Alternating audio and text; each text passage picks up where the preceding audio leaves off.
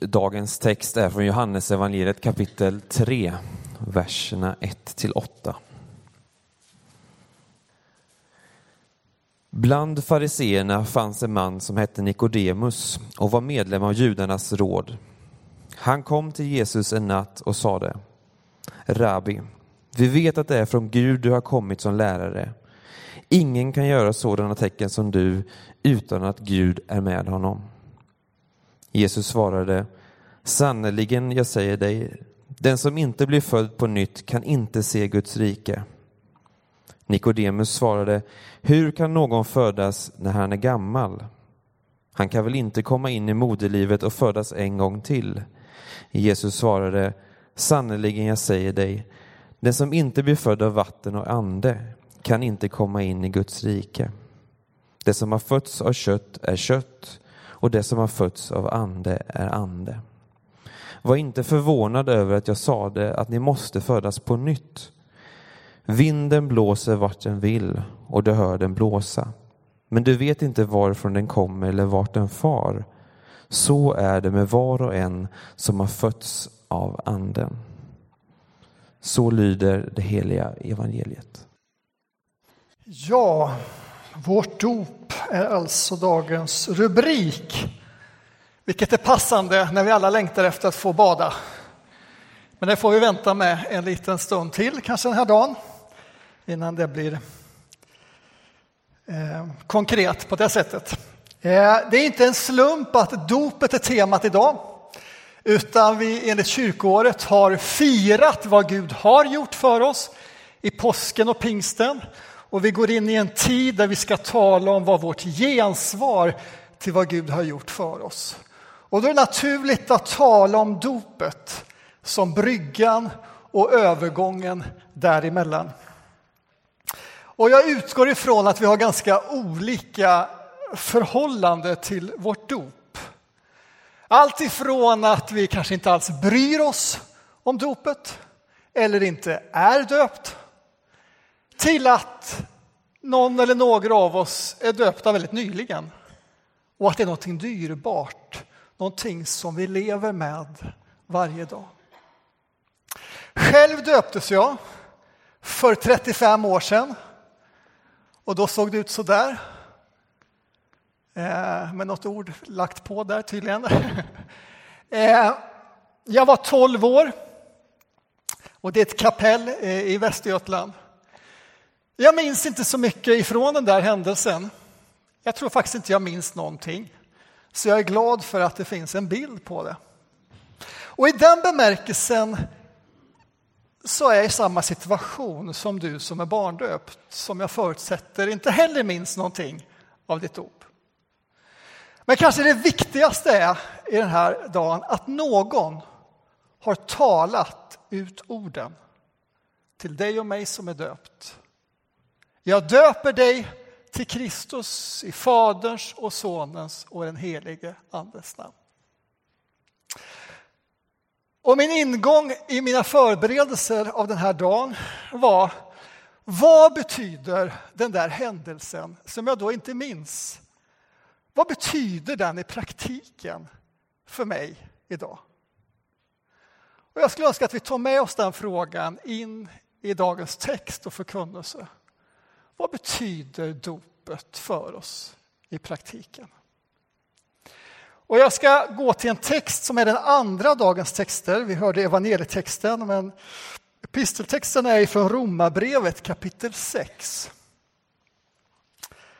Och det är på sidan 807, i dig som har en röd bibel. Bakgrunden till den texten det är att vår vän Paulus på ett högljutt sätt har ropat ut över romarriket att jag blir delaktig i Guds rike genom tron och dop. Och det låter kanske inte så märkvärdigt för oss, men för dem var, många var det det. Så det väckte kritiker. Kritiker som sa, ja men om det bara handlar om tro och döpas, då spelar det ju ingen roll hur vi lever.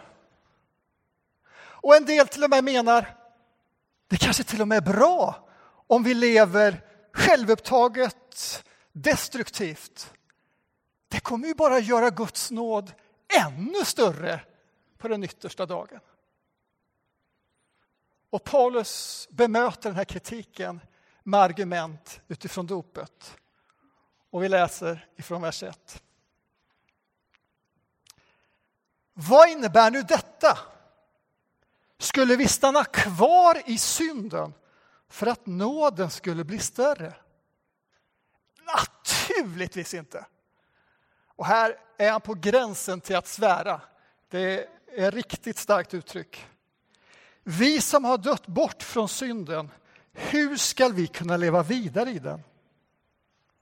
Vet ni då inte att alla vi som har döpts in i Kristus Jesus också har blivit döpta in i hans död? Genom dopet har vi alltså dött och blivit begravda med honom för att också vi ska leva i ett nytt liv så som Kristus uppväcktes från de döda genom Faderns härlighet. Ty har vi blivit ett med honom genom att dö som han skall vi också bli förenade med honom genom att uppstå som han. Vi vet att vår gamla människa har blivit korsfäst med honom för att den syndiga kroppen skall berövas sin makt så att vi inte längre är slavar under synden. När vi nu har dött med Kristus är vår tro att vi också ska leva med honom. Vi vet ju att Kristus har uppväxt från de döda och inte mer skall dö. Döden är inte längre herre över honom. När han dog så dog han bort från synden en gång för alla. När han nu lever, lever han för Gud. Så skall också ni se på er själva. I Kristus Jesus är ni döda för synden, men lever för Gud. Synden skall alltså inte få härska i dödliga kropp så att ni lyder dess begär. Nej, låt inte synden bruka era lemmar som redskap eller vapen, som vi också kan översätta det med, för orättfärdigheten. Utan låt Gud bruka er. Ni har ju återvänt till livet från döden. Låt honom använda era lemmar som redskap för rättfärdigheten. Synden ska inte vara herre över er. Ni står inte under lagen utan under nåden. Amen. Heligande, nu behöver vi verkligen din hjälp denna varma dag. Om vi ska kunna ta oss an den här texten och att den ska få liv här och nu. Så kom och hjälp oss. Ja, jag hoppas du inte somnade under den här texten, för den är ju verkligen inte lättsmält. Den är innehållsrik och den är en språkdräkt som inte direkt är särskilt modern. Och du som inte är särskilt bibelvan eller kyrkvan överhuvudtaget får nog anstränga dig lite grann nu för att liksom komma åt vad är det egentligen som Bibeln och Paulus här menar. Och de av oss som är väldigt bibel eller kyrkvana, vi får nog uppmärksamma så att vi inte tappar bort det här för att det lät så hemmavant i de här bibliska orden och begreppen. Helt enkelt måste vi alla eh, be om hjälp att inte tappa bort och missa detta angelägna ärende som jag tror Paulus har då och idag. Två nyckelord förekommer. Två klassiska, klassiska bibliska begrepp. Synden och nåden. Och nu ska vi inte göra misstaget att förminska synden och nåden som ord till att bara gälla jag gör någonting dumt och någon annan gör någonting bra som förlåter mig för det dumma jag gjorde. Det är visserligen sant att det innehåller en aspekt av det i begreppet synd och nåd. Men de här begreppen är så mycket större, innehåller så mycket mer och har en så mycket större makt i sitt, i sitt väsen än det där lilla som jag nämnde om. Och det måste vi komma åt. Synden står för en maktsfär, liksom nåden. som har ambitioner och söker vår lojalitet och har två helt olika moraliska mål med våra liv. Synden söker få mig att bli upptagen, inåtböjd allt mer i mig själv. Lockande, attraktivt till att börja med. Men det Bibeln ständigt uppmanar oss, se upp. Därför att det finns någonting förslavande som vi inte tar oss ur. Synden gör anspråk på våra liv. Eller snarare på vår död och kräver vår död. Nåden är precis det motsatta. Nådens maktsfär, som evangelisterna kallar för Guds rike, vill befria oss ur det där slaviska självupptagandet och befria oss till det liv som åtminstone Bibeln säger vi är skapta för. Och dess syfte och mål är att ge oss liv. Liv i övernog.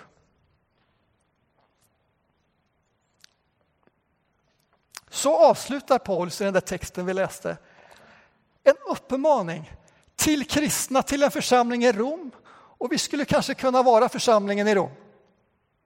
Där han säger, ni som har gått ifrån nådens maktsfär, eller ifrån syndens maktsfär in i nåden.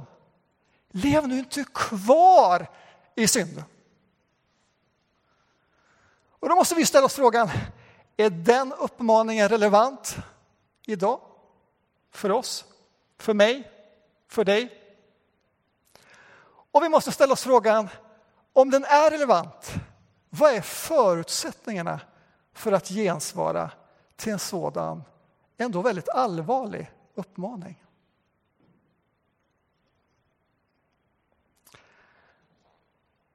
Och för att svara på det så skulle jag vilja ge två förutsättningar utifrån texten.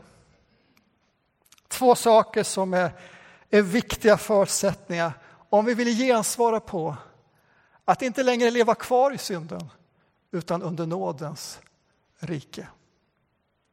Ett. Det är bara två, så ni kommer ihåg det i huvudet. Ett, det är förutsättningen i historien, vad som har hänt i historien. Och nu är det dags att behöva ta hjälp av någonting. Idag tar vi två stolar.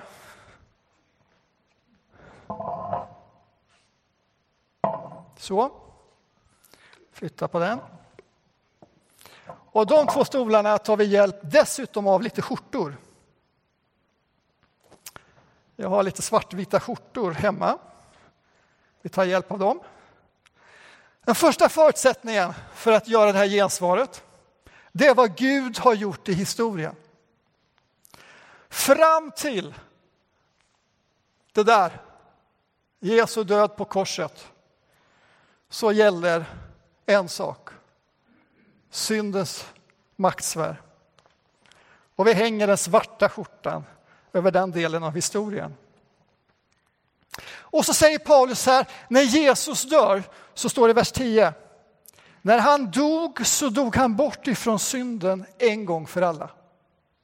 Och på andra ställen så utvecklar Paulus det där lite mer och säger att det där Jesus gjorde, det var att han tog den där syndens förslavande makt på sig.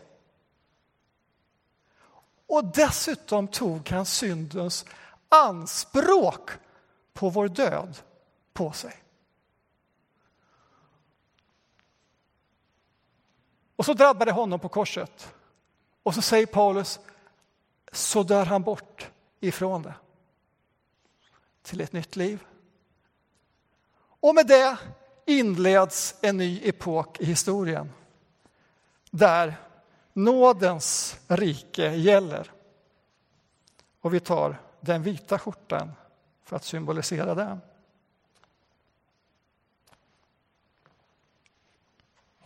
Detta är en historiens förutsättning och det har inte så mycket med vad du och jag tänker och tycker om det, utan detta är ett faktum enligt Bibeln. Hur blir det här delaktigt i mitt liv? Ja, då kommer nästa förutsättning. vad Gud gör i min historia och kanske din. Om du är döpt och tror. Då står det så här början på vers, kapitlet, vers 2. Vi som har dött bort ifrån synden, vers 3. Vet ni då inte alla att vi som har döpts in i Kristus Jesus också har blivit döpta in i hans död? Och då får jag tänka in på bilden när jag döpte mig som tolvåring och du får försöka tänka in kanske ditt dop och är du inte döpt så får du försöka fundera på det jag berättar om. Är detta, hur ska jag ta ställning till detta? Men utifrån mitt dop så berättar det att någonting hände som tar på som, jag dog. Och därför i vår traditions, baptistiska traditions begravning, eh, jag säga, dop, så sker det en nedsänkning för att betona dopets begravning. Jag dog. Identifikationen med Kristus är så tydlig, är så tät att också jag dör. Och därmed också är syndens maktanspråk på mitt liv och anspråk på min död uppfylld. Därför att jag har dött med honom där.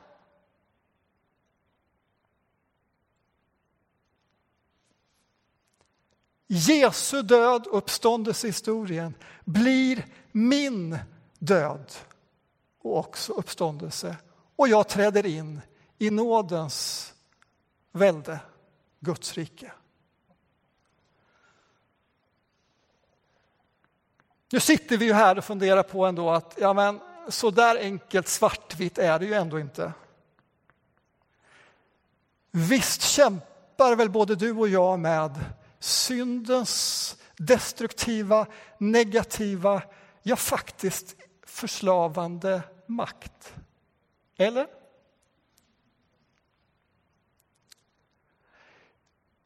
Jag tror inte att jag behöver vara vare sig terrorist eller alkoholist för att erkänna att så är fallet.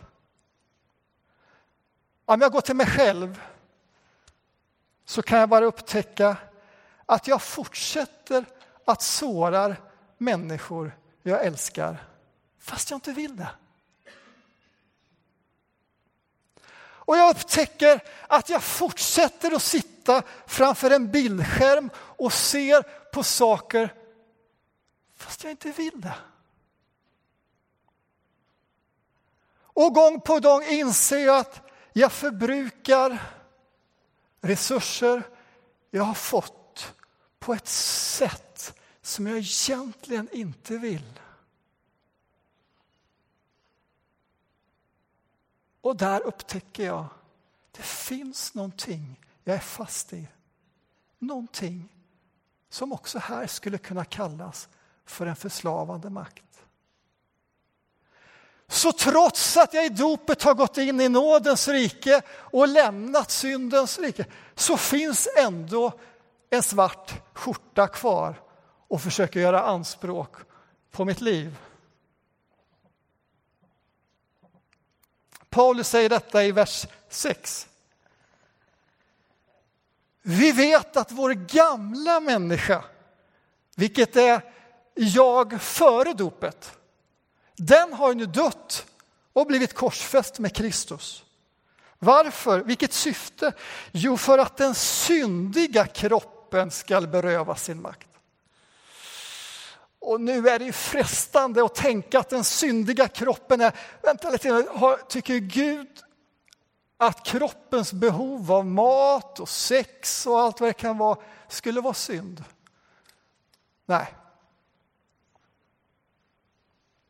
Det som igen, det, det ordet betecknar Paulus det är just den här delen i mig som fortfarande flörtar med den här delen som fortfarande har svårt att säga nej när synden gör anspråk och vill utöva makt på mitt liv.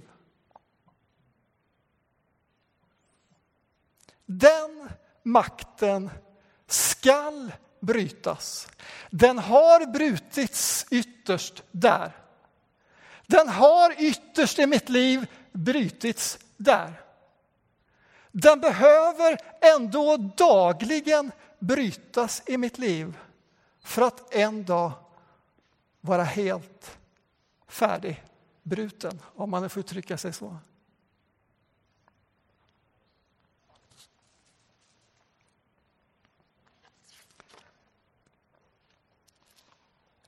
Genom tron och dopet byter vi stol. Vi byter maktsfär. Vi byter skjorta från svart till vit skjorta. Och vi får ändå handskas med den här svarta skjortan över våra liv. Och jag tror att det är väsentligt att vare sig förringa det eller förneka att den finns. Eller att förstora den, som Paulus kritiker gjorde. Vad spelar det för roll? Jag har ju ändå en vit skjorta på mig underst.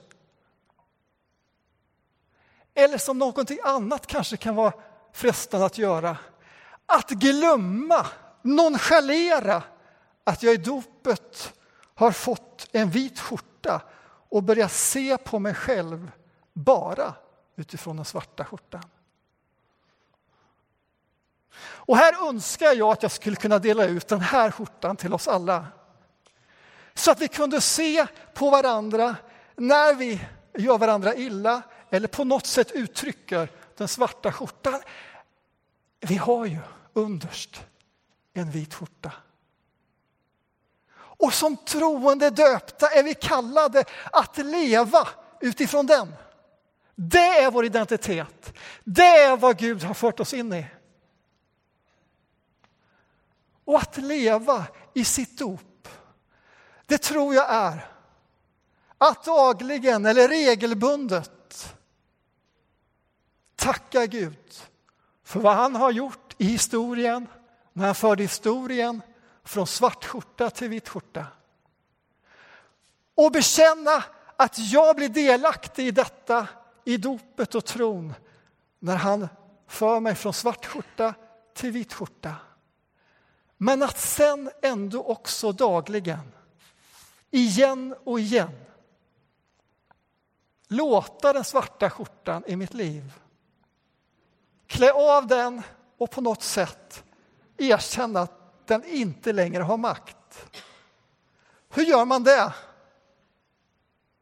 Jag tror att det är så enkelt och samtidigt så svårt som att berätta Jesus, tack för det, tack för det. Men idag har jag kämpat med det här och jag får överlämna det till dig därför att du har makten över det. Och så får man göra det igen och igen och igen. Och är det som jag så kan man ibland tröttna på det. När ska jag bli fri? Och då kommer evangeliet. En dag ska Jesus ta hand om den skjortan för gott. Och vi som troende döpta ska få stå i den vita skaran helt befriad ifrån den för att ära och tillbe honom. Som avslutning, frågan i början. Vad har dopet för praktisk konsekvens i våra liv? Ja, du får fundera ut ditt svar på det samtidigt som vi ska få lyssna till en sång. En engelsk sång där författaren sjunger ut sin glädje, sin tacksamhet över att han längre inte är slav. Och hans slaveri, hans svarta skjorta var fruktan. Och du kan stämma in i sången och byta ut det mot vad som är din svarta skjorta. Och se på dig själv utifrån den vita skjorta du har döpts in i. Amen.